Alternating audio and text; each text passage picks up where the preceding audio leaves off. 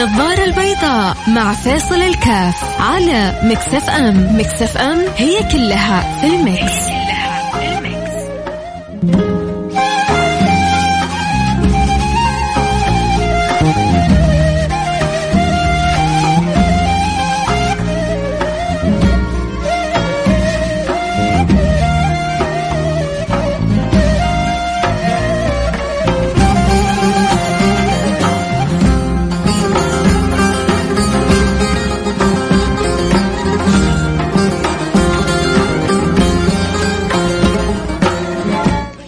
السلام عليكم ورحمة الله وبركاته. حياكم الله أحبتي في برنامج النظارة البيضاء.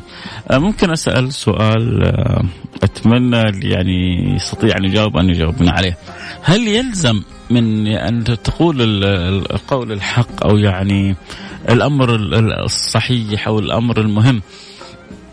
إن كنت أنت رب أسرة إن كنت أنت مدير في عمل هل يلزم هذا أن تقوله يعني آه، بأي طريقة؟ أي طريقة كانت ولو كان فيها كسر للخاطر؟ طب خلينا نجيب السؤال بطريقة أخرى. هل ممكن تقول العبارة لمن هم دونك في الوظيفة أو في العمل أو في الأسرة في البيت ولو بطريقة فيها تجريح؟ بطريقة ثالثة السؤال هل تبالي إذا قلت كلامك أنك جرحت اللي أمامك أو ما جرحته؟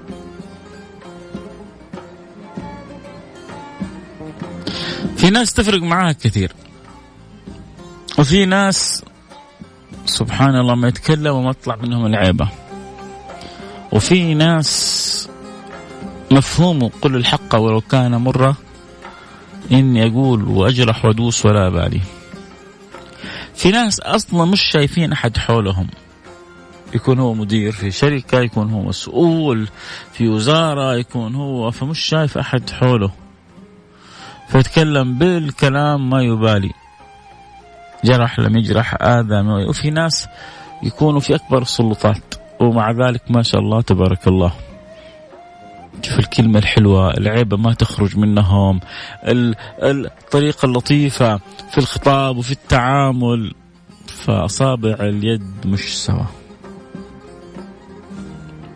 أنا أجزم أنه بعض اللي يسمعوني الآن لربما في يوم من الأيام انجرحوا من من كلمة من مديرهم من قائدهم من قائدهم من مسؤولهم ما بال جاب كلمة صعبة على أحد الموظفين أمام الآخرين أو آه ابن يعني عامل والده بطريقة قاسية وأمام إخوانه وأمام أبناء عمه ولم يبالي يعني بهذا الأمر وسبب ترسبات عند الولد. ف في معاناة.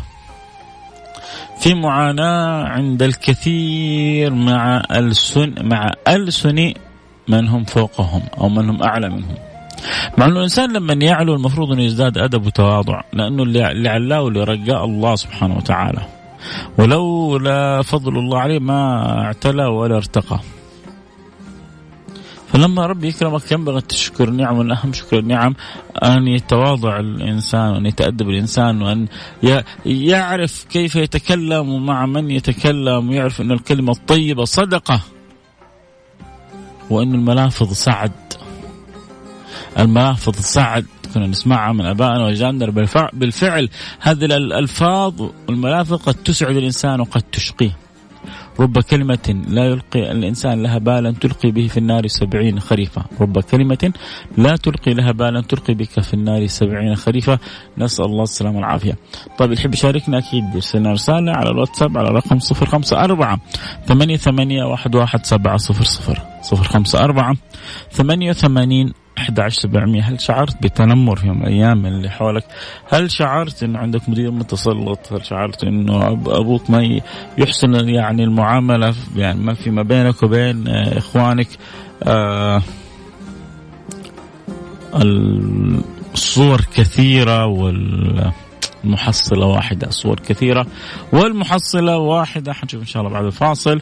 ونستمتع برسائلكم ونرجع ونواصل حديثنا. لكن رجاء بس أنا بقول أنه ربما يعني في ناس تسمع بعد شوي حتروح عملها أو بيتها وفي ناس بعد شوي حتنضم لنا للبرنامج وتكون رجعت سياراتها وسمعتنا. أعطيك آه، رجاء لكل من ربي مكنه. من أسرة من آه، شركة من مؤسسة من عمل حكومي من أي شيء كان كل ما ربي مكنك زد له تواضعه تزدد عزة ورفعة ودرجة كذلك درجات في الدنيا ودرجات في الآخرة. أكيد نروح الفاصل ونرجع ونواصل. خليكم معنا لا أحد يروح بعيد.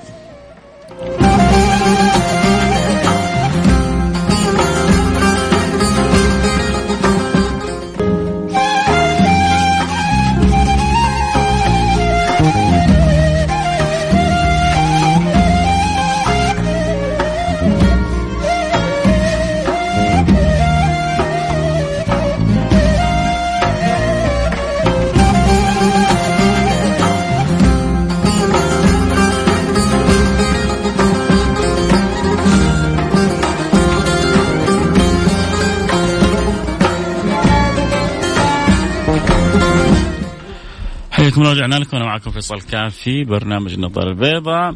آه، أبو همدان آه، من نجران يقول آه، أبوي الله يطول في عمره يفرق بين الأولاد بس واجب الطاعة يلزمنا. نحن ما نفرق إن هذا أبوي ينبغي طاعته. وتحمل أمر. أبو همدان زادك الله نور وزادك الله بصيرة زادك الله توفيق. وأسأل الله سبحانه وتعالى أن يلهم والدك حسن المعاملة بينكم جميعا بالإنصاف. حسن المعاملة بالإنصاف بين الأولاد جميعا. أحيانا الأب قد يميل إلى ولد من الأولاد إما ل لأنه يرى نفسه في في بعض الآباء يروا نفسهم في بعض أولادهم. فهذا اللي يرى يعني يشعر أن هذا الولد قريبة شخصيته من شخصيتي. فيميل طب يعني سبحان الله هذا ميل طبعي أو فطري أو قلبي. فلكن لا تجعل هذا الميل يبرز ما بين الأولاد لأنه حيسبب حساسية. حيسبب تباغض وتنافر بين الأولاد وبعد ما تموت ربما يسبب تناحر. بعض الاخوان بينهم تباغض السبب والدهم إنه كان لا شعوريا يفضل هذا عليهم. عاد في أباء بيسووا مصيبة إنه لما يفضل أحيانا ولد على باقي الأولاد يكتب له بزيادة يعطي له بزيادة فيخلي الأولاد حاقدين على أبوهم وعلى أخوهم.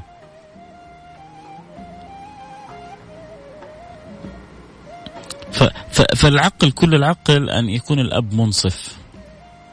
والعقل كل العقل من الأولاد سواء أبوهم كان منصف أو غير منصف أن يبروه بروا آباءكم تبركم أبناءكم.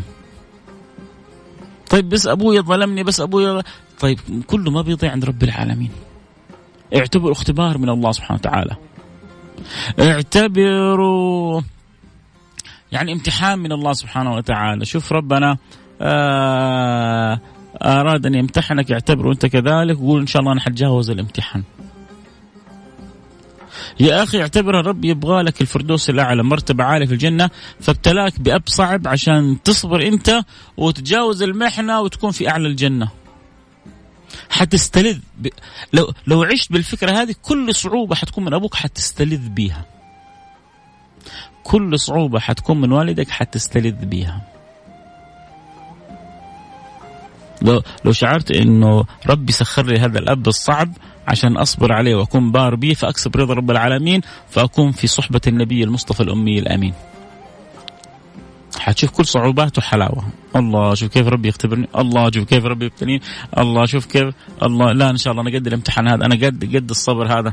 فهي من الجهتين على الابن أن يكون مثل أبو همدان عاقل ويعرف إنه مهما كان هذا والدي والزايد له ولا بد أن أصبر على بره. وينبغي كذلك على الأب أن يعرف أن الظلم ظلمات يوم القيامة أن الظلم ظلمات يوم القيامة وإن ما ينبغي أن يظلم أولاده أن يعدل بينهم حتى لا يأتي شق مايل. هذا الظالم يأتي شقه وجهه كذا شق مايل يوم القيامة من كثرة الظلم. نسأل الله السلامة والعافية. نرجع لأصل الفكرة اللي أبو همدان طرح من خلالها رسالته إنه إذا كنت أنت في منصب أو في إدارة أو في مسؤولية سواء كنت أب أو مدير شركة أو وزير أو انتبه من كسر الخواطر. جاء في الأثر. جاء في الأثر إنه لأن تهدم الكعبه حجرا حجرا. لأن تهدم الكعبه حجرا حجرا. أهون عند الله من كسر خاطر المؤمن. أهون عند الله من كسر خاطر المؤمن. فانتبه من كسر خاطر المؤمن. فك... هذا كسر خاطره. فكيف بتجريحه؟ فكيف ببعض الكلمات اللي مثل السم لما توقع على القلب أو توقع على الفؤاد أو توقع على الروح؟ عود نفسك انه كلما اعتلت مرتبتك كلما كان ينبغي لك أن تزداد تواضع، أول حاجة لأنه اللي اللي علاك ورقاك في الدنيا الله سبحانه وتعالى. فإذا أحسنت شكر الله على نعمة إنه علاك ورقاك في الدنيا خذها من أخوك فيصل. سوف تعلو وترتقي في الآخرة.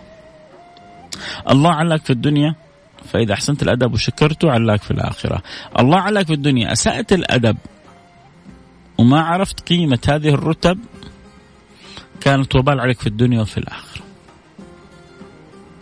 ف... فأنت ينبغي لك أن, أن تدرك الأمر هذا وزي ما يقولوا عقلك في راسك تعرف خلاصك. أكيد يحب يشاركنا يرسل رسالته على الواتساب على رقم صفر خمسة أربعة ثمانية ثمانية واحد واحد سبعة صفر صفر صفر خمسة أربعة ثمانية وثمانين إحدى عشر سبعمية.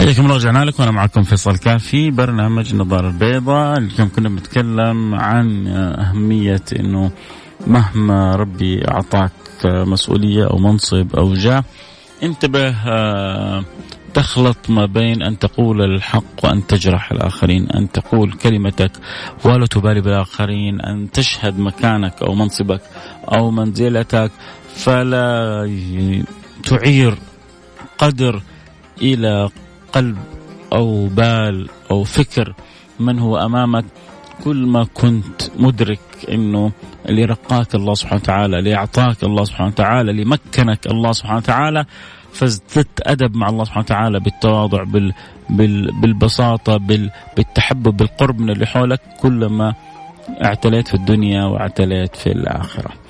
آه رسالة اللي أحب أختم بها الحلقة احذروا من كسر القلوب وكسر الخواطر. حاموا على جبر القلوب. حاموا على جبر القلوب فإنها مثل الزجاج كسرها لا يجبر. حاموا على جبر القلوب فإنها مثل الزجاج كسرها لا يجبر. احرص إنك ما تجرح ما تؤذي وجرح ذوي القربى أشد مضاضة على النفس من طعن الحسام المهند. أحيانا بعض أنواع الكلمات تكون حادة أشد من طعنة السيف فيحتاج الإنسان أن يراعي وأن يلاطف وأن يعود نفسه على الكلمة الحلوة والكلمة الطيبة صدقة. الكلمة الطيبة صدقة. الكلمة الطيبة صدقة. نلتقي معكم على خير. كنت معكم حبكم فيصل كاف. بكرة يجد معنا اللقاء في الخميس الونيس. في أمان الله.